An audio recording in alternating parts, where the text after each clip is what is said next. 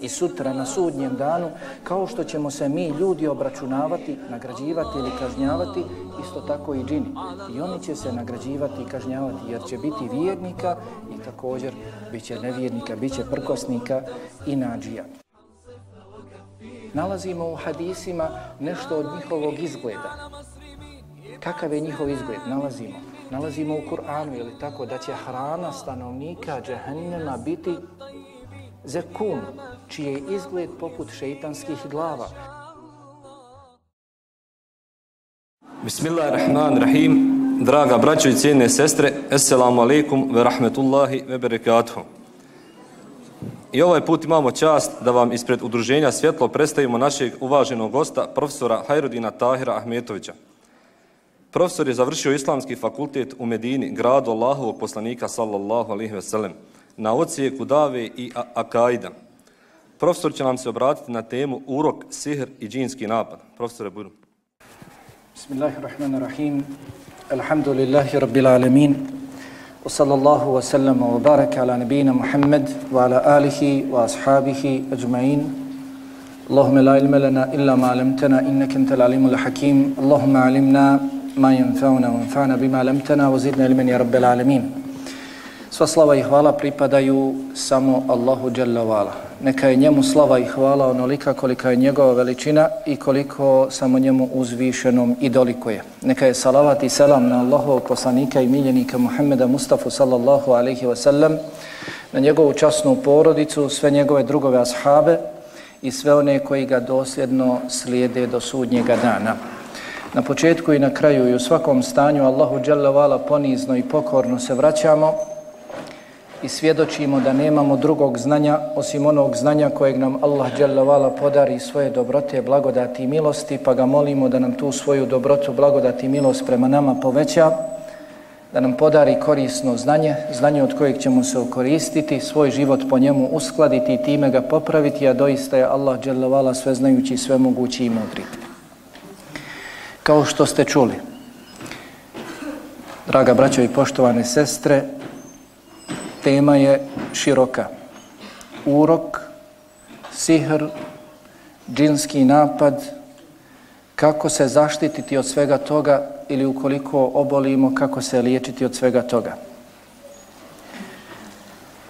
Pokušat ću da ne odužim pa da vam ne dosadim, ali isto tako ni da mnogo skratim pa da vas bez koristi ostavim. Allah subhanahu wa ta'ala u svojoj knjizi Kur'an i Kerimu na mnogim mjestima spominje šeitansko neprijateljevanje prema čovjeku.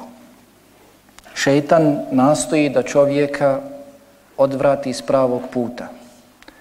Pokornosti Allahu dželavala.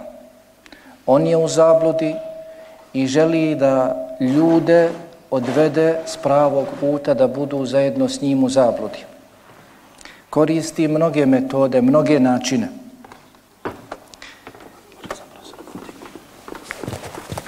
Između ostalih jesu dakle i ove bolesti koje on izaziva direktno ili indirektno putem svojih sljedbenika, pomoćnika. Mnogo je tih bolesti koje izaziva šeitan. Kod nas najčešće jesu ove spomenute urok, sihr i ulazak džina u čovjeka. Ulazak šeitana u čovjeka zatim izaziva mnoge bolesti. Vidjet ćemo i učenjaci, čak i doktori, liječnici iz oblasti medicine potvrdili su te bolesti. I ove su bolesti najrasprostranjenije kod nas. Kada bismo otišli u duševnu bolnicu i počeli učiti samo rukju, vidjeli bismo da 95% ljudi obolilo je od toga, a ne od onoga zbog čega su ih, kako oni misle, smjestili tamo. Dakle, većinu ovih bolesti izazivaju šeitani. I ukoliko čovjek hoće da se liječi, mora prije svega da vjeruje da šeitani postoje. Allah subhanahu wa ta'ala također u Kur'anu mnogo govori o njima. Došli su kategorični kuranski ajeti došli su jasni vjerodostojni hadisi o postojanju džina. Postojanju džina. Kao što vam je poznato, na mnogim mjestima u Kur'anu Allah dželle spominje da ih je stvorio od vatre.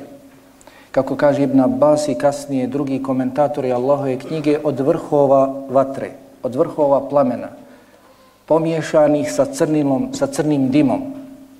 I dosta nam je dokaza da džini postoje, da šeitani postoje, riječi Allaha Jalla wa'ala وَمَا خَلَقْتُ الْجِنَّ وَالْإِنسَ إِلَّا لِيَابُدُونَ Nisam stvorio ni jednog džina, ni jednog čovjeka osim da me obožavaju. Allah je dakle zasigurno kao što je nas, vidimo sebe, stvorio nas isto tako Allah subhanahu wa ta'ala stvorio i džine. Međutim, zovu se džinima zato što su nevidljivi. I to ne znači, draga braćo i ciljne sestre, što ne vidimo, da u to ne vjerujemo. Ne. Mi vjerujemo u mnoge stvari koje ne vidimo, tiču se nas. Ne vidimo razum, ali kažemo da smo jedni, za druge kažemo da smo razumni i mnogo šta drugo. Isto tako moramo vjerovati u džine. Džini postoje i džini ne žive tamo negdje, već džini žive među nama. Tu su oko nas. Spomenut ćemo nešto od mjesta gdje se oni spominju, gdje se nalaze. Dakle, oni zasigurno postoji. Allah subhanahu wa ta'ala je stvorio, nazivaju se džinima zato što su skriveni. Kao što se džennet zove džennetom, dakle pogledajte, ima sličnu, sličan korijen zato što je džennet skriven. Plod u majčinom stomaku naziva se u arapskom jeziku dženin, zato što je skriven, ne vidimo ga. Džunne, evo sad dakle ide nam mjesec Ramazan, jel tako kaže se u hadisu, a saumu džunne, post je štit, za štit se kaže džunne, dakle ono što čovjeka štiti, za čega se čovjek sklanja, zaklanja, ne vidi se čovjek. Dakle, džini se ne vide. Postoji. Mimo ljudi, meleka, postoje i džini. Allah je stvorio kao što je stvorio i nas zbog te zadaće, da obožavamo Allaha dželavala jednog jedinog. Od džina, kao i od ljudi, ima vjernika, ima nevjernika.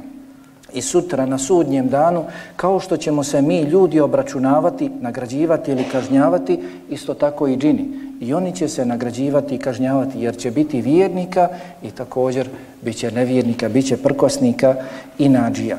Žive kao što i ljudi žive i umiru kao što i ljudi umiru. Koliko žive?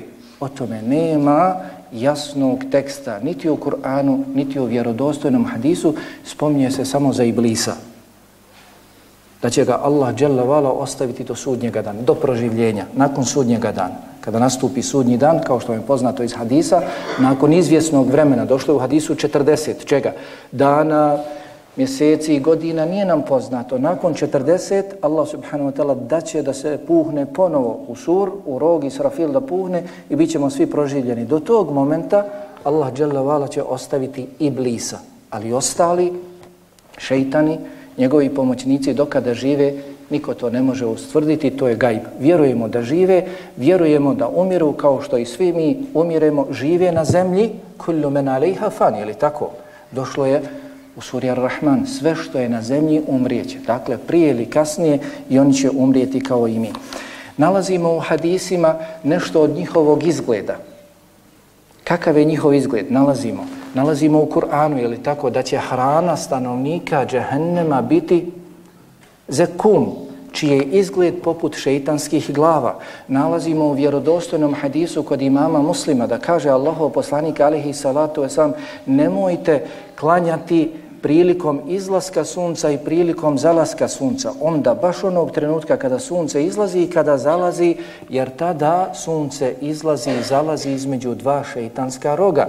Dakle, nalazimo u ovom vjerodostojnom hadisu kod imama muslima da šeitan ima rogove i slično. Jeli, nalazimo nešto od opisa. Ostale opise nemoguće, nemoguće je potvrditi. Hrane se vjernici, džini. Hrane se kostima. Nevjernici, džini, hrane se svim onim što nije zaklano u ime Allaha Đalavala. Zato dobro pazimo kakvo je meso i mi jedemo. Je li zaklano u ime Allaha i kako je zaklano? Ukoliko se jede meso koje nije zaklano radi Allaha ili nije zaklano kako treba, neko još s nama jede. Dakle, to je njihova hrana i također leševi, strvine i ostalo. Došlo je u hadisu da su džini vjernici upitali, džini vjernici upitali Allahovog poslanika alihi salatu wasalam šta je njihova hrana, pa je odgovorio Allahov poslanik alihi salatu wasalam vama pripada svaka kost nad kojom je spomenuto Allahovo ime. Dakle, oni se hrane kostima od mesa prilikom čijeg klanja je spomenuto Allahovo ime dok džini nevjernici hrane se mesom i hrane se svime, znači nije spomenuto Allaho dželevala ime. Kako je došlo u hadisu Ibn Abasa, u eseru Ibn Abbasa, da je Iblis upitao Allaha dželevala gospodaru, svima si propisao na faku obskrbu, šta je moja nafaka? Svim stvorenjima. Jel tako? Allah dželle vala kaže: "Vama min dabbatin fil ardi illa 'ala Allahi rizquha." Nema ničega da se kreće po zemlji a da nije njegova obskrba kod Allaha. Allah se obavezao da će ga hraniti. Pa pita Iblis, šta je moja hrana? Čim se ja hranim? Odgovorio je Allah dželavala ono pri čemu nije spomenuto moje, moje ime. Dakle, stanuju među nama, na zemlji. Nisu tamo negdje daleko.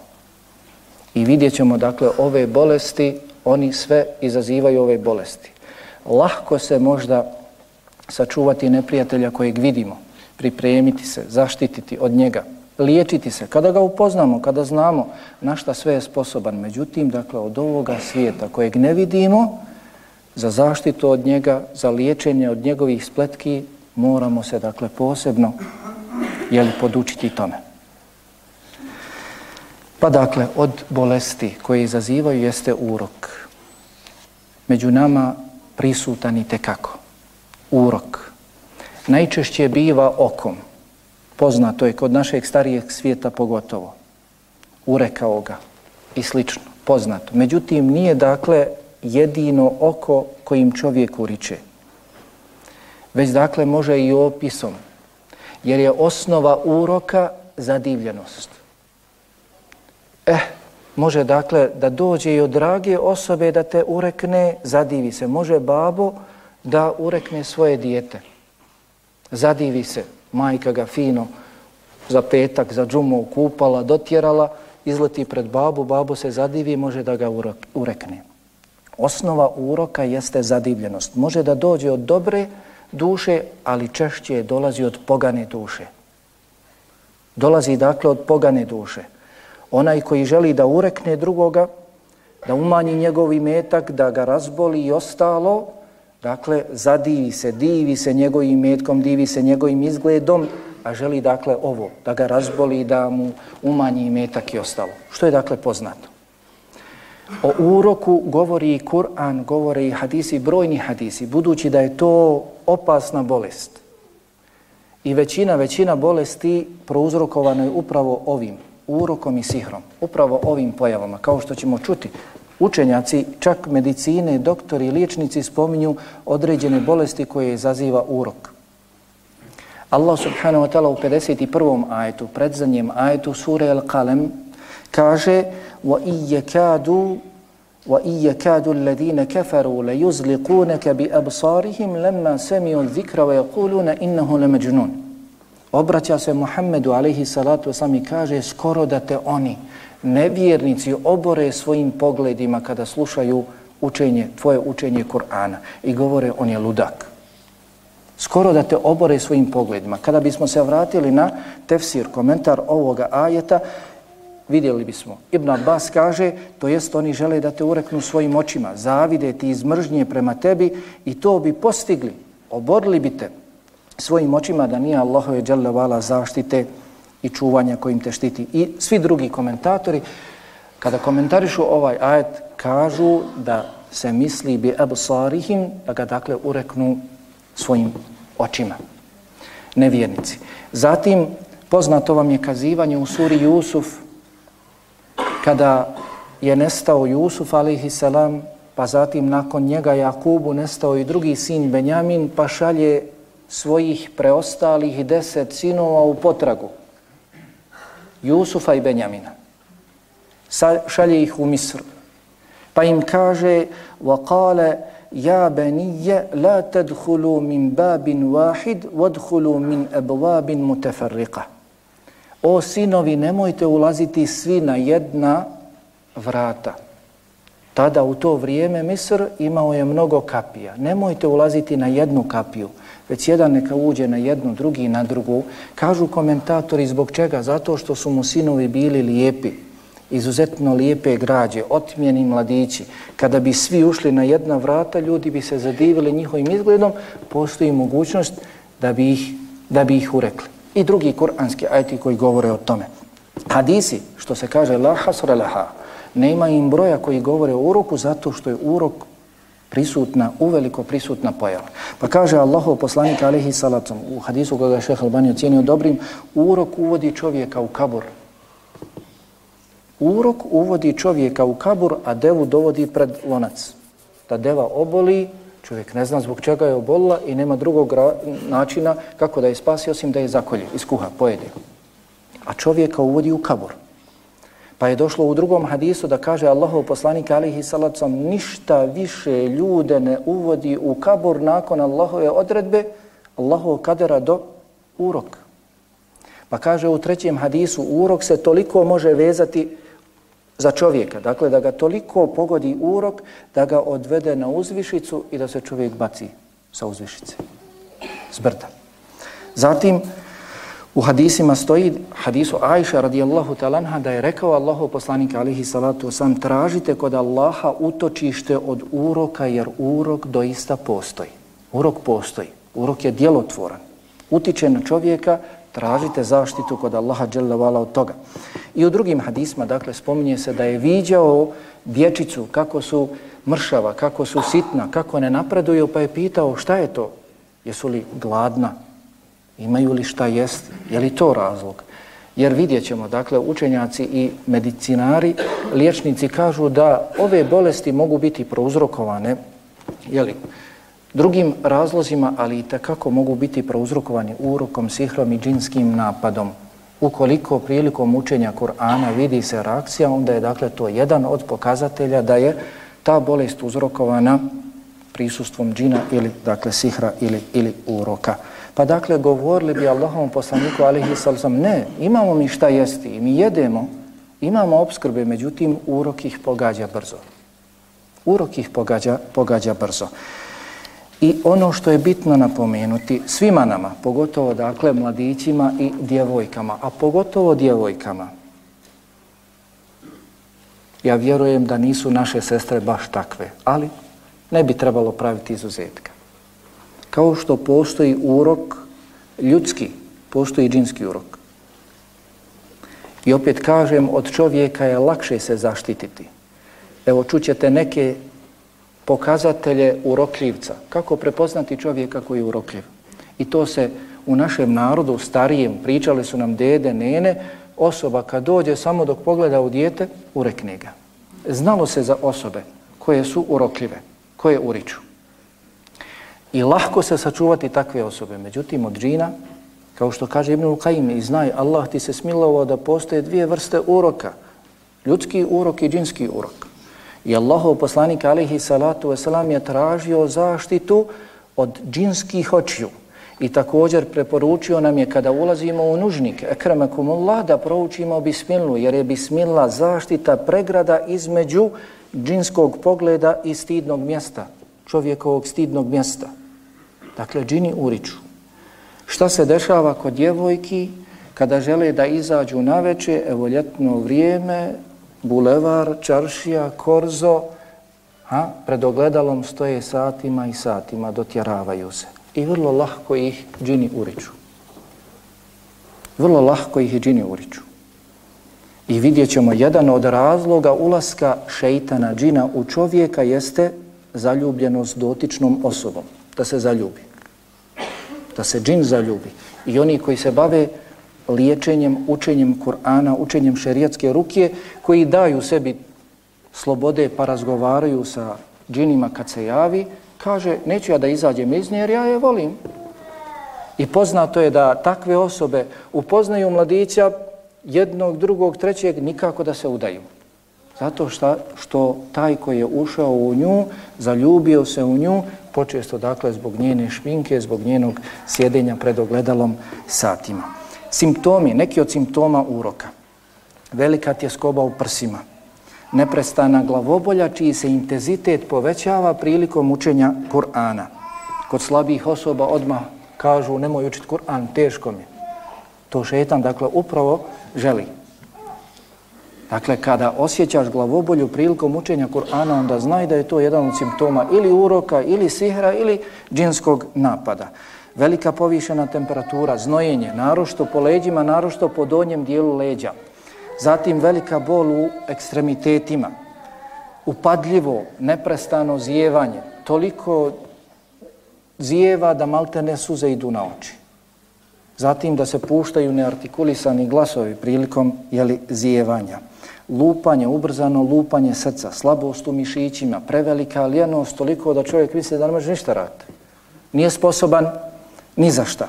Zatim pojava modrica, pojava crvenila ili crnila, počesto jeli na nogama, nema nikakvog razloga. Ode, ode se doktorima, ode se liječnicima, oni ne mogu da otkriju zbog čega se pojavljuju određene masnice jeli, na tijelu, a to može da bude, dakle, razlog toga može da bude urok. Kažu učenjaci koji se bave ovom problematikom i također potvrđeno od strane liječnika da urok izaziva dakle opasne bolesti, izaziva pojedine vrste kancera. Urok. I sihr, 95% uzrok raka jeste sihr. 95%. Znajte dobro. Pa onaj koji želi da se liječi, neka ustrajava u učenju šerijatske ruke. Neka se poduči koje ajete treba učiti, neka uči ih često, neka se osloni na Allaha subhanahu wa ta'ala. Neće imati vremena da govorimo o ruki, možda je to dakle najbitnije pitanje od svih ovih, ali podučite se, tražite. Najbolja rukja jeste čvrst oslonac na Allaha subhanahu wa ta'ala. Počesto mi, evo, kada poslušamo ove neke simptome, pa kažemo, pa vala, mnogo toga ima kod mene gdje je izlaz, šta da radim, šta da učim, nisam sposoban, odo, pokucam na jedna vrata, na druga, na treća. Znajmo, Allah nam se svima smilovao. Prije svega, od pokazatelja naše ljubavi prema Allahu Đalla Vala jeste da volimo njegovu knjigu. Da volimo njegovu knjigu, Kur'an i Kerim. Pa zbog toga, prije svega trebamo učiti Kur'an i Kerim da bismo dokazali sebi, da volimo Allah. Kao što kaže Osman radijallahu talan da su nam srca čista, nikada se ne bismo mogli zasititi Allahovog govora. Ne bismo prestali sa učenjem Kur'ana. Allah je objavio Kur'an da po njemu živimo. Nije Allah objavio Kur'an samo da učimo, samo. Jeste velika nagrada za svaki proučeni harf. Kao što nam je poznato, jedan harf proučimo, imamo deset sevapa. Jedan harf proučimo, imamo deset cevapa. Čini mi se prošli puta ovdje da sam spominjao, je tako u suri Al-Fatiha koliko imamo harfova? 150 harfova. Proučimo suru Al-Fatiha za pola minute, 1500 cevapa. Ko uči malo bolje Kur'an sa teđvidom, prouči stranicu za dvije, tri minute. Kažu, prosječno na stranici ima 2000 harfova. Za dvije minute 20.000 sevapa. Jeste. To nagrada. I zbog toga treba mučiti. Međutim, nije to samo cilj objave Kur'ana. Nije cilj da se hatma u Ramazanu jedna, druga ili koliko već prouči ili tokom godine. Allah je objavio Kur'an da se uči, izučava, proučava, izlače pouke i poruke da se radi po njemu. Na mnogim mjestima Allah kaže Efela je te al Kur'an. Zašto oni ne razmišljaju o Kur'anu? Zašto ne razmisle? Zašto ne uzimaju pouku?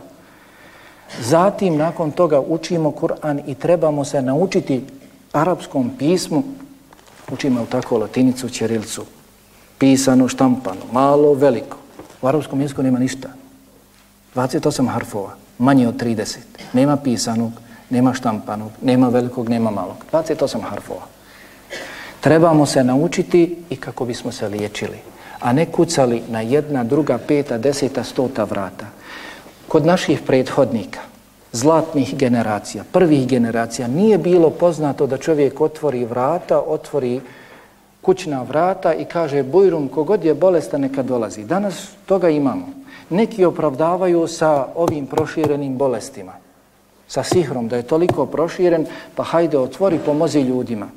Jeste, u jednu ruku to je pomaganje, ali u drugu ruku u tome indirektno odvraćanje ljudi od učenja Korana. Kada ja znam da tamo neko je otvorio vrata u svaka doba, nazovem ga, primit će me, proučit će mi rukju, meni će biti lakše kada ću se ja podučiti Kur'an. Zato ashabi nisu liječili, nisu, nisu učili Kur'an, već bi govorili bolesniku, prouči to, to, to, to, te kur'anske ajete uči. Čak su učili životinjama. Pa mi ne možemo da naučimo kur'anske ajete na pamet, nije to mnogo. Jeste, cijeli Kur'an je lijek, ali imaju kroz praksu određeni kur'anski ajeti potvrđeni koji se uče za ovu bolest, za ovu bolest i slično. Nije ih mnogo, mogu se naučiti. Mi smo bolesni, nama treba lijek. A trebam da se podučim tome, je tako? Kada mi počesto, kada se razbolimo, odemo, tražimo lijeka svugdje, odemo u jednu apoteku, drugu kod jednog doktora, kod trećeg, kupujemo, trošimo novac, pa možemo se podučiti i Kur'anu i ovim kur'anskim ajetima. Kada su naši prethodnici učili životinjama, uči, učili, upadne jahalica, konj, kao što se prenosi od Ibn Mas'uda radijallahu talan, da je jedne prilike podučavao svoje učenike Kur'anu, kao što je poznato Ibn Mas'ud je jedan od ashaba koji je dobro poznavao Kur'an i Allahov poslanik alaihi salatu sam je rekao onaj koji želi da uči Kur'an kako je Kur'an objavljen, neka ga uči kako ga uči Ibn Ubi Abd, Abdullah ibn Mas'ud, tako ga je zvao poslanik alaihi salatu Pa jedne prilike dok je podučavao svoje učenike, došla je sluškinja jednog od tih učenika, pa je rekao, požuri, traži vidara, traži liječnika, jahalica, konj ti je upao u nesvijest. Kaže Ibn Mesud, nemoj, nemoj ići tražiti nikoga, nego otiđi do njega na desno uho, prouči ovo, na lijevo prouči ovo. Pa je otišao, proučio i konj je ustao. Nalazimo u suri Kef, je tako? Kada ulaze dvojica prijatelja, jedan koji je imao dvije bašće, dva bostane, jel, dvije bašće, pa se zadivio. Pa je rekao, zašto se diviš, zašto nisi rekao, maša Allah, la haula, la kuveta illa billah.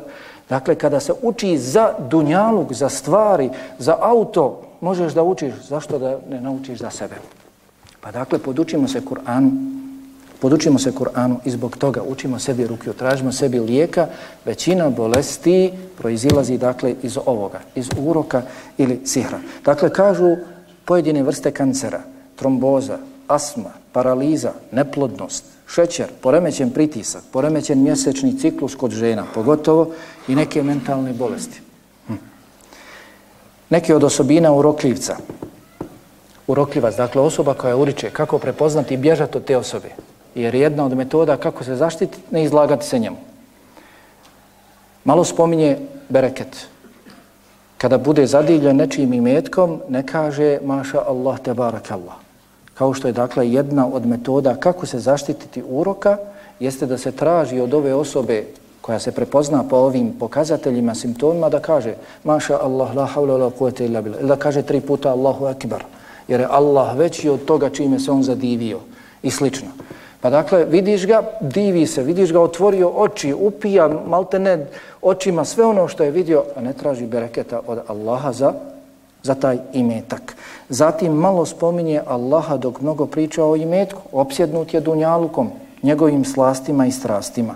Primjećuješ ga kako dugo gleda u nešto, zuri, toliko da se pobojiš. Kad pogleda u tebe i gleda tako u tebe, je li upadljivo, je li pobojiš se?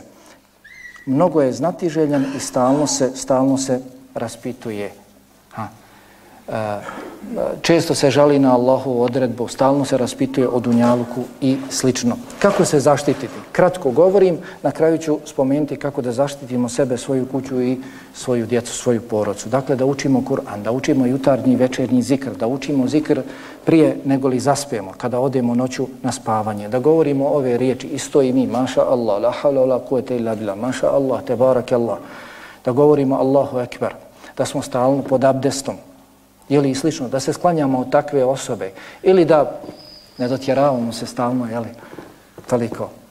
E, kod našeg naroda je poznato da stave nešto, ne znam, ja sam sa sela, pa krava kad imaju dobru kravu, steonu kravu, treba da se oteli svežu kravi na rep, nešto crveno, ili negdje, da onaj koji uđe ne gleda ukravu kako je ona lijepa ili bilo šta od imetka, već da gleda dakle u ono crveno i slično. Ima to osnove. Međutim, problem je što se narod veže za tu krpu. I misli dakle da ta krpa štiti. To je dakle jedan od razloga da samo se skrene pogled u rokljivca. Ali Allah taj koji štiti. Pa se prenosi od Osmana radi Allahu talan da je vidio dijete, izuzetno lijepo dijete, prelijepo dijete, pa je rekao obojite mu ovdje ovu rupicu na bradi. Malo stavite mu gari iz pepela, stavite mu. A ne gleda onaj koga vidi u njegovo lijepo lice, već da gleda u onu tačku. Dakle, ima to osnove. Ali dakle, treba čovjek da vjeruje da je Allah taj koji liječi. Allah je taj koji štiti, a ne dakle ta tačka i, i ostalo. Kako se liječi urečeni?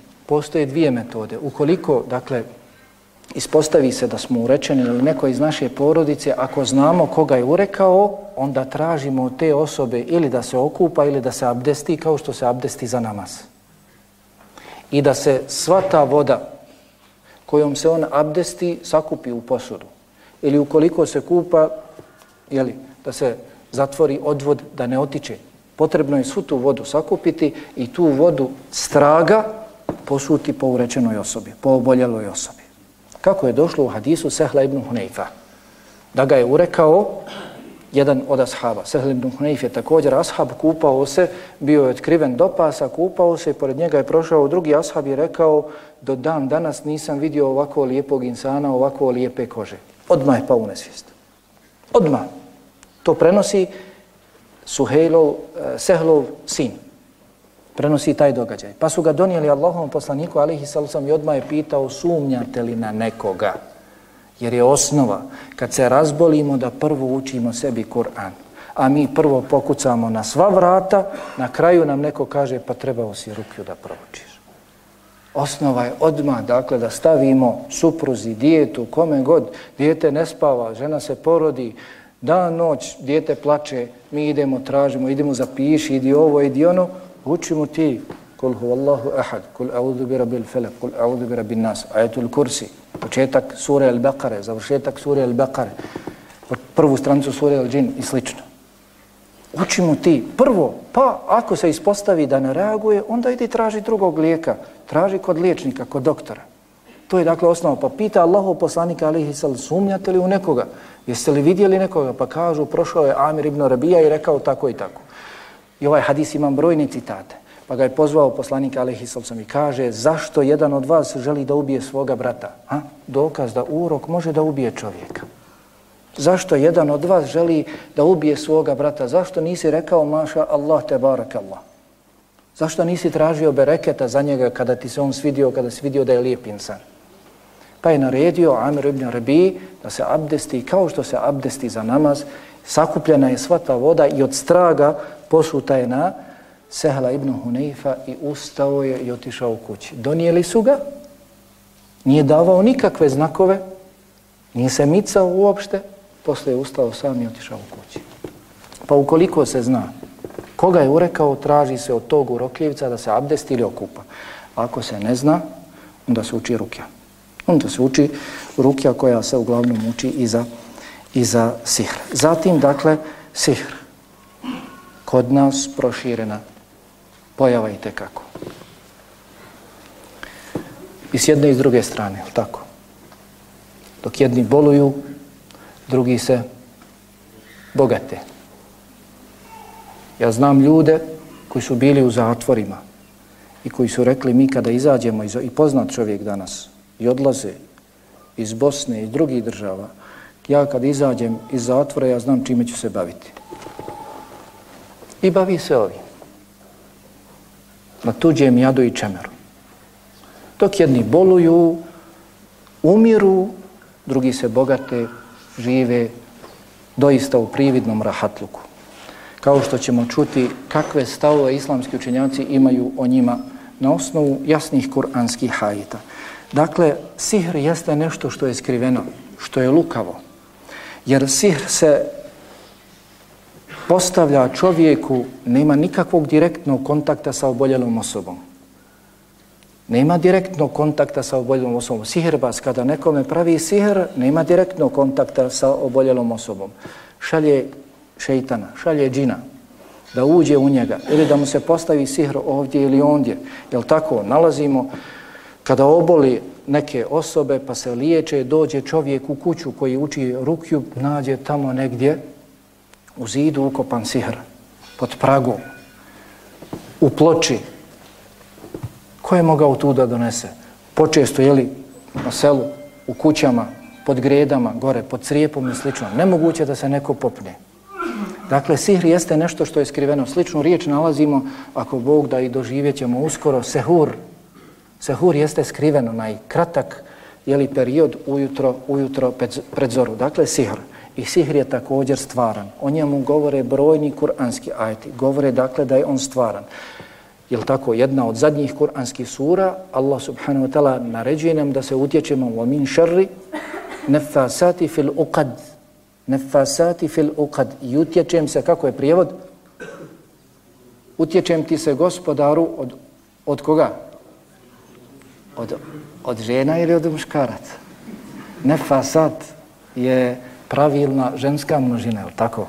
koji znaju arapski jezik, ovo je pravilna ženska množina, od onih žena koje uzlove pušu. Kažu komentatori da je to svojstvenije ženama, ali znamo da ima dakle i sihirbaza i ima ih sa zdravim zamotanim glavama, je tako sihirbaza. Ima dakle i muškaraca i žena. I sihr postoji, sihr je stvaran. Ne bi Allah dželavala naredio da se utječemo od toga njemu, Allahu subhanahu wa ta'ala, da on ne postoji, da njegovo dakle, dejstvo, dejstvo nije stvarno. I poznat nam je stotinu drugi ajet sure El Bekare na 16. stranici, je li Kur'an i Kerima, zove se ajetu sihru, ajet koji govori o sihru. Poduži ajet koji govori o sihru, odakle potiče sihr. Osnova sihra, odakle je, jeli, I tamo se jeli spominje da su se ljudi podučavali od dvojice, od Haruta i Maruta, kako će razdvojiti muškarca od žene. Kako će razdvojiti? Rastavljali su muškarca od žene. Dakle, taj sihr djeluje.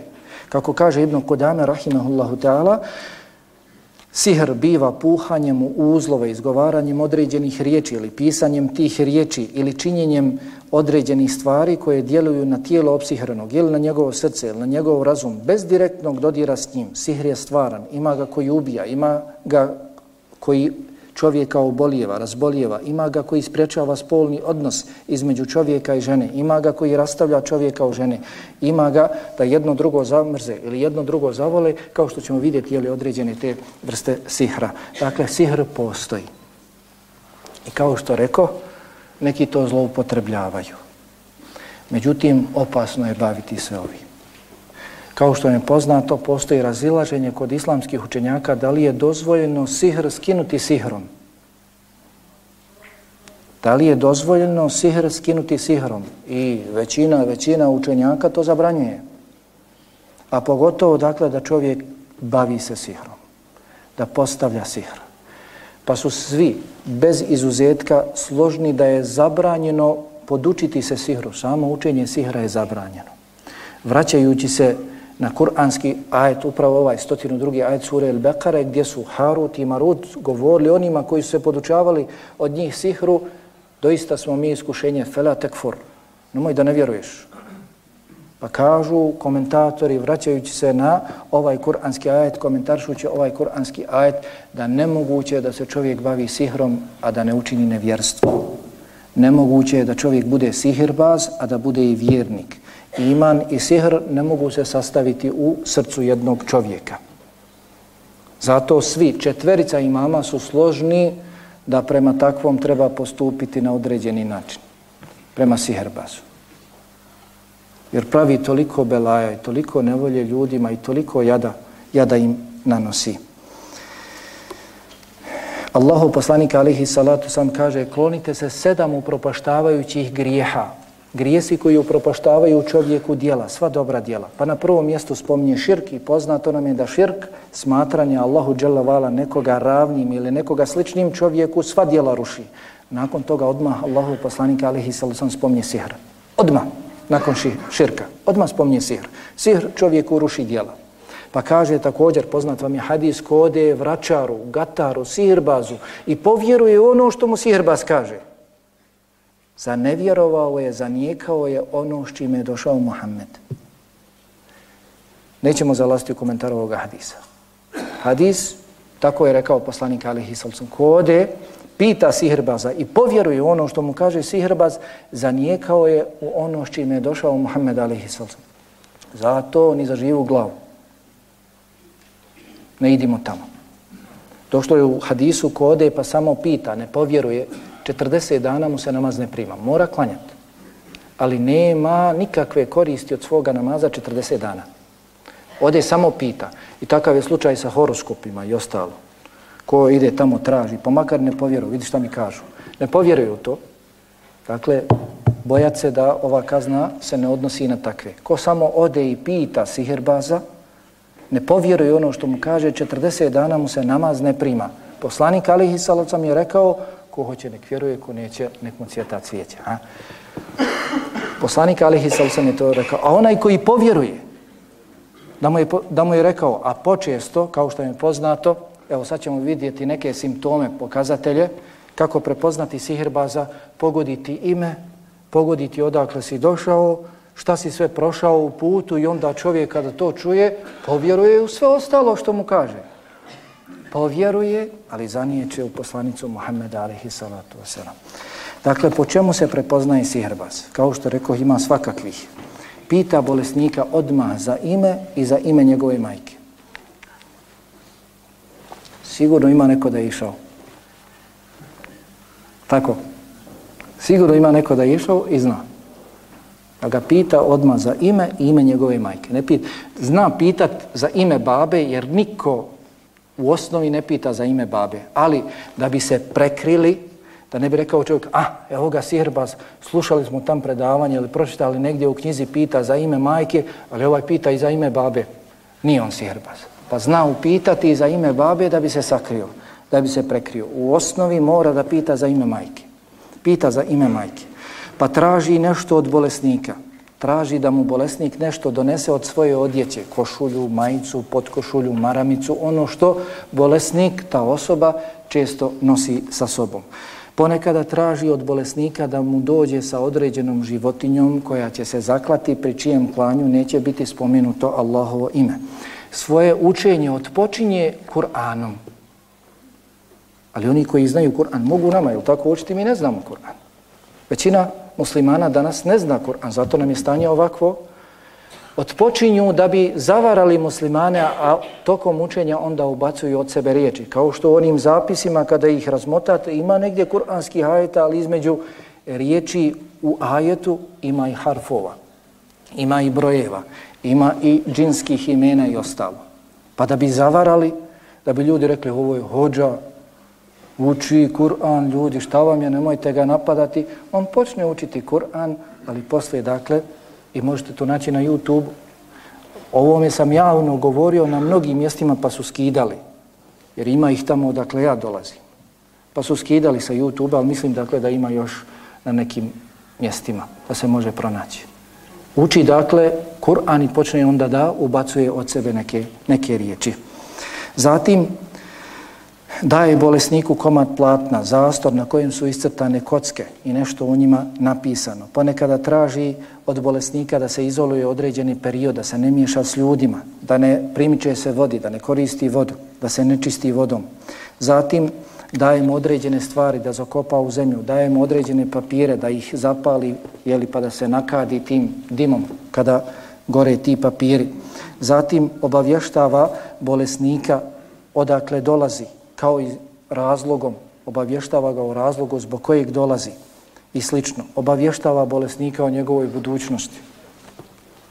Neko zna, mimo Allaha dželle vala gajb, poslanici su znali samo ono, samo ono što im Allah otkrije od gajba, od budućnosti. A nemoguće je da čovjek zna. Nemoguće je da bilo ko zna. Došlo je u hadisu jeli, mnogi su ga zabilježili da se šeitani, da se džini penju jedan na drugoga i prisluškuju prepisivanja Allahove odredbe za taj dan. Meleki kada prepisuju iz levhi mahfuza, pa čuju nešto i bivaju onda gađani od strane meleka, bivaju gađani zvijezdama, jel mi kažemo padalicama, bivaju gađani. Međutim, prenos, prenesu onu jednu riječ, onu jednu riječ, jedan drugome prenesu i dođe i kaže sihirbazu tu jednu riječ. I onda on kaže bolesniku tu jednu riječ, pogodi i bolesnik prihvati sve ostalo od njega. Zato ako vam neko počne govoriti o sudbini, dođi mi da ti gatam i ostalo, da ti proriče sudbinu, znaj dakle da je to adu, Allahuma neprijatelj, to je iblis. Niko mimo Allaha dželavala ne zna gajbu, šta će se desiti. Niko. Poslanicu znali, poslanici, najbolji ljudi, samo ono što im je Allah dželavala omogućavao. Pomažu se džinima i šeitanima, to je osnova sihirbazi se pomažu džinima i šeitanima. Dakle, nemoguće je da te obavijesti ti došao iz Zenice u Gračanicu ili u Gradačac ili ne znam ti gdje, dobo jug, došao i on te obavijesti gdje si zastao, popio kahvu, povratio i ovo ono, sve ti kaže. Hm? Kako? Pomaže se džinima i šeitanima, oni ga obavještavaju. Prije toga on je morao njima da se pokori da čini dijela nevjerstva. I imaju ljudi, svjedoci koji su ih viđali kako ekremekumullah, čovjeku se naježi koža od toga, kako sjede u nužnicima i stavili Kur'an pod svoje noge. Vidjeli su svojim očima ljudi. I takvi su krepali, alhamdulillah. Takvi sihrbazi. Ulaze u nužnik, svece, u, u nužnik s Kur'anom i stavljaju ga pod noge. Moraju da čine ogavne stvari da jedu leševe, ono što je krepavo, da bi šeitani posle služili njih. Pa dakle, osnova je da se služe džinima jeli, i šeitanima. I dakle, drugi, drugi pokazatelj nemam dakle, kad, e, da, da, da ih spominjem. Kažu prilikom jeli, liječenja, kada im odu ljudi nešto zapisu, nešto im prouče, bolesnici kažu istjerao sam džina, ubio sam džina. Zar je tako lahko ubiti džina? I dobro, ako si ubio, a ima džina koji su muslimani, šta ćemo onda? Tako dakle, da ove pokazatelje, ukoliko čujete da neko ima pri sebi, bješte od njega i dan i noć.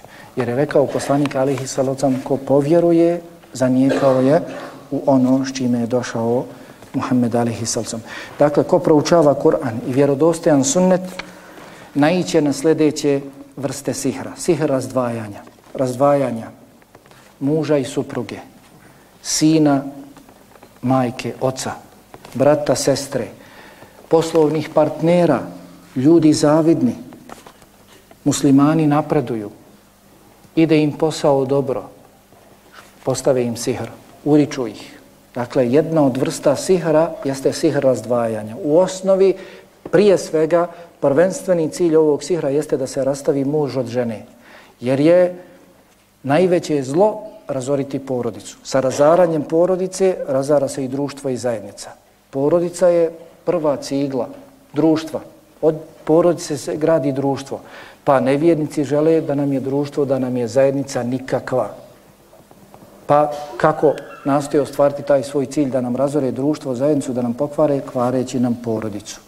Poznat vam je dobro hadis u kojem se spominje da je prijestao šeitana na vodi i da odatle šalje svoju konjicu, svoje pomoćnike, pa se vraćaju nakon urađenog posla i on sluša raport, izvještaj, podnose, pa kaže, jedan ja sam uradio to i to, kaže, nisi ništa uradio. Drugi kaže, ja sam uradio to i to, nisi ništa uradio. I tako iznose izvještaj, podnose izvještaj dok ne dođe jedan od njih i kaže, nisam se odvojio od muškarca, od čovjeka, muške osobe, da ga nisam razdvojio od njegove žene. Pa kaže, ente, ent, ti si ti.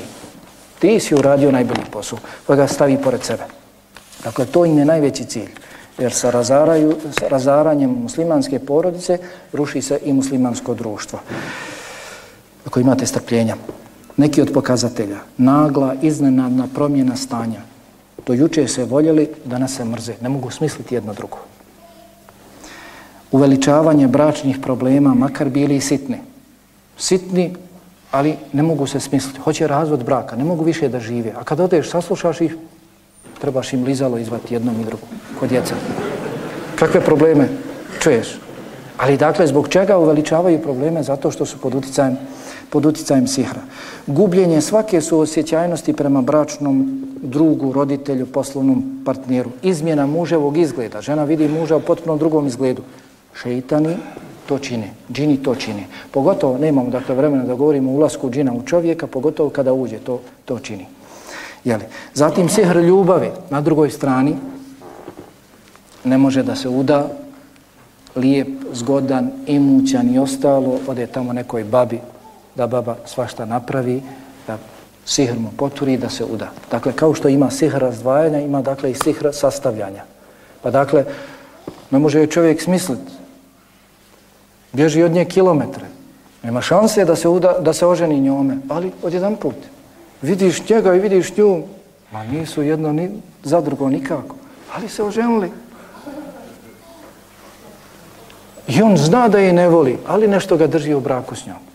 Dakle, ima dakle sihr ljubavi. Zatim sihr priviđanja. Da se čovjeku priviđaju određene stvari.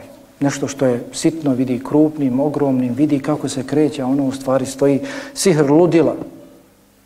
Da čovjek poludi od sihra. Kod nas, ne znam, znate, Tuzla, u Tuzli je bila kreka, duševna bolnica.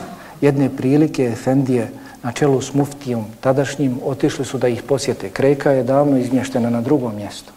Pa je ufatio muftio jedan od tih bolesnika, kažu, duševnih bolesnika, uhvatio ga za rukav i rekao, ti dobro znaš zbog čega smo mi ovdje.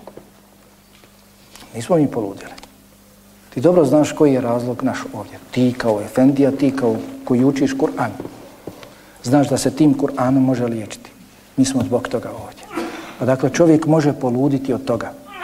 I vidite ljude na ulici, zastanite malo, vidite ljude na ulici pričaju sami sa sobom otiđimo, počnimo učiti Kur'an, pa ćeš vidjeti reakcije. Ljudi polude od sihra. Sihr usamljenosti, potištenosti, povlačenja u sebe. Ljudi se povlače u sebe. Izbjegavaju društvo. Najviše vremena vole provoditi sa sobom. Potištene su, potišteni su i slično. Zatim sihr bolesti, sihr došaptavanja, kod žena sihr krvarenja i stihaza jeste dakle od džina, jeste od sihra istihaza. Kao što je došla sahabika Allahom poslaniku alihi salacom i požala se na isticanje krvi, da li dakle treba se sustegnuti od namaza pa je rekao ne, to je dakle samo udarac od šeitana. Ta istihaza, to isticanje krvi, ogromno isticanje krvi nakon uobičajenog perioda, dakle menstruacije, kada se nastavi isticati krv, dakle istihaza, to je također od šeitana. I također ono što nalazimo u hadisima od vrsta sihra jeste sihr za postavljanja ženitbe, ženitbe braka. I sve ove vrste sihra imaju simptome, pokazatelje. Nemam kad da vam, da vam govorim o tome. Kako se liječi sihr? Prije svega najbolje bi bilo zaštititi se. Kako se štititi? Učiti Kur'an, što više zikriti. To dakle, e, ne garantuje ti da ti se neće napraviti sihr. Jer poslaniku alihi salatu wasalam je napravljen sihr. Kod Buharije, kod muslima i kod drugih. Bilježi se taj hadis. Da mu je čovjek iz plemena Zurejk napravio sihr. Na češalj i vlasi kose. Da mu je napravio sihr. Kada je poslaniku alihi salocam, napravljen sihr, onda svakome od nas, ako Allah bude htio, može se napraviti sihr. U čemu je poenta? Poenta je da ukoliko se čovjek pridržava vjere, ukoliko mnogo zikri, jutarnji, večernji zikr pogotovo, zikr pred spavanje, zikr kod ustajanja, ukoliko uči Kur'an, ukoliko je pod abdestu, ukoliko pogotovo uči suru El Beqara, lakše će se izliječiti. Lakše će se izliječiti. Kod nas mnogi idu i liječe posljedice, ne liječe razlog. I mnogi koji se danas bave rukjom radi biznisa također, da zarade, liječe kod tebe posljedice, ne liječe razlog kod tebe. Neće ti reći moraš klanjati, moraš se pokriti, jer žena kada izađe nepokrivena, kako je došlo u hadisu, šeitan je s njom. Šeitan je uz njom. Uz njom. Jedan od razloga prilaska šeitana osobi, ženi, konkretno ovdje jeste nepokrivanje, nepokrivenost, mirisanje, štiklice i ostalo. Upadljiv izgled, šeitan je odmah uz njom. Neće reći moraš se pokriti. Hoćeš da ozdraviš? Hoćeš da se koliko toliko zaštitiš, moraš se pokriti, moraš klanjati, moraš učiti Kur'an, moraš zikriti. To je zaštita. Dakle, onaj koji ustrajava učenju spomenutog, lakše će se izliječiti. Dočim onaj koji ništa od ovoga ne praktikuje, teško će se izliječiti.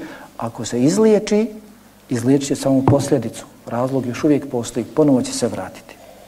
Zato, dakle, pridržavajmo se jutarnjeg i večernjeg zikra. Pridržavajmo se kada hoćemo da legnemo, da legnemo pod abdestom, da proučimo ajetul kursi. Jer je došlo, poznat vam je hadis, Ebu Hureyre radijallahu talan da je tri noći hvatao lopova kako krade iz Bejtul Mala. Ebu Hureyre je bio zadužen za državnu blagajnu, kasu. tu se smještao zekat i ostalo. Čuvao. Pa je tri noći dolazio čovjek, u, u ljudskom liku, dakle. Čovjek je dolazio i krao. Prvi put kada je ufatio, rekao je, vodim te Allahom poslaniku, ali kaže, nemoj, neću više. Pa ga je pustio. Međutim, ujutro povjerio sebu Hureyre, Allahom poslaniku, alihi salatu sam rekao je, pitao ga prije svega poslanik, šta je uradio tvoj sinoć, drug.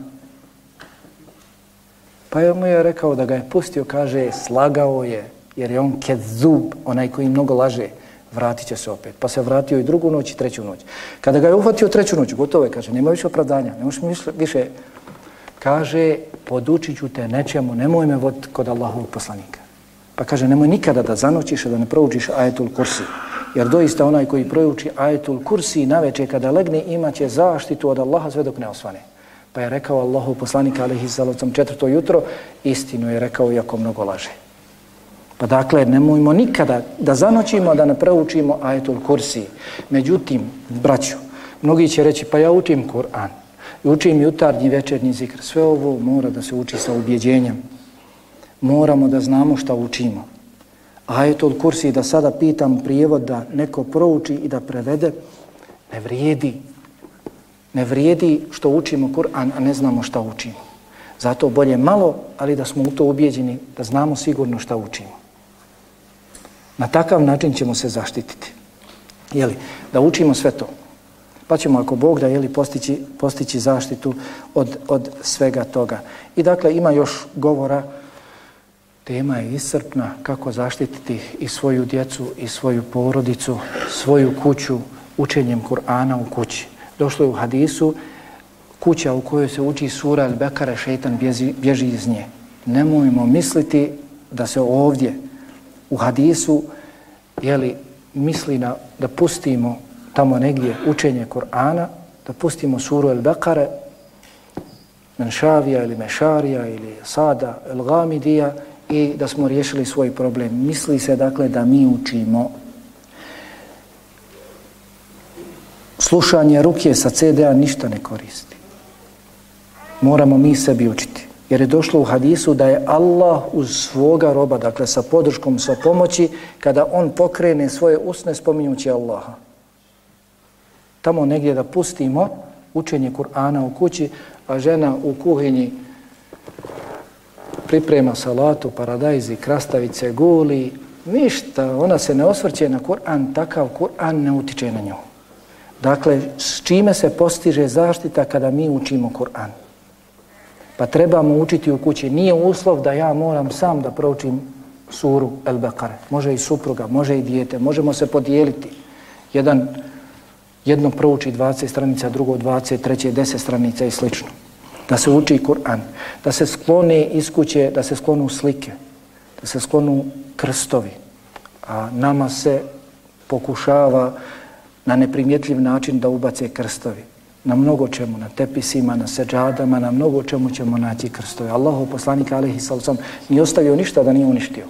Na čemu je bilo krst? Slike, zvono, jer meleki ne ulaze u takve kuće, gdje su slike živih bića. Svejedno, ljudi ili životinja.